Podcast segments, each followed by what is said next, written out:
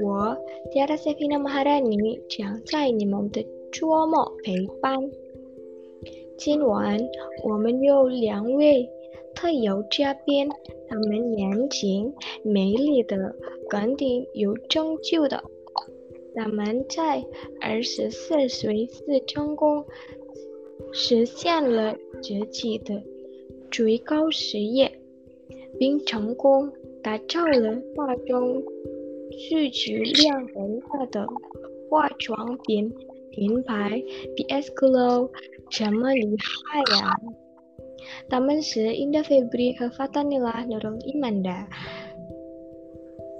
实是长命大人然和我们在同一个母校及物质校友 Jenderal Sudirman 大学学汉语时二零一四级，很好奇吧？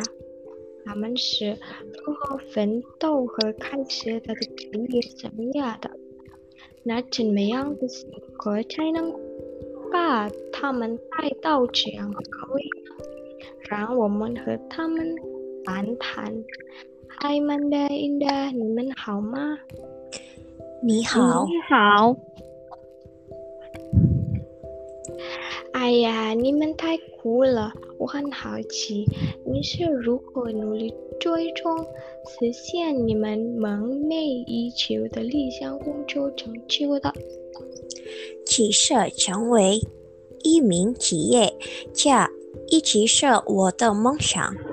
是毕业后，因的和我白手起家，我们这期在寻找经销商，直到最终也可以像今天一样配设计介绍。你们的职业发展相当快，十年时间，你已经成为了 BS Glow 公司的创始人。你成功的秘诀是什么呀？首先是神所赐的福分。这我父母的祈祷，在相当短的时间内对我的职业生涯产生了很大的影响。领域在设计管理方面有着不屈不挠的职业道德和纪律。从你的语气看起来，你很纪律，这是你成功的关键之一吗？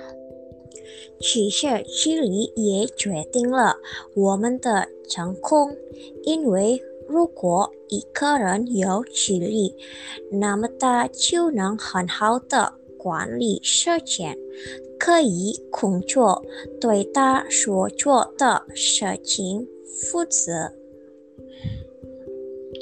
最后一个问题，您对正在努力实现理想工作的朋友们有什么希望或信息？我想告诉有梦想的朋友，一定要努力去实现自己的梦想，失败时不要放弃。Work hard, uh, play hard.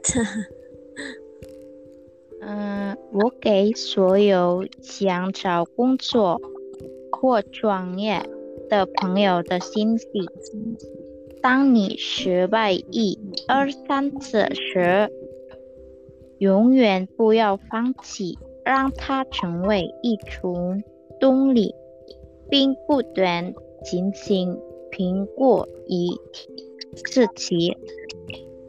啊，我明白了。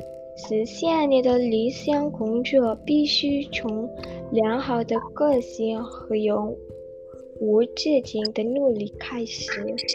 好的，谢谢曼达和英达，感谢你们与我们分享的经验。如果有错误的词，我们深表歉意。谢谢大家，拜拜。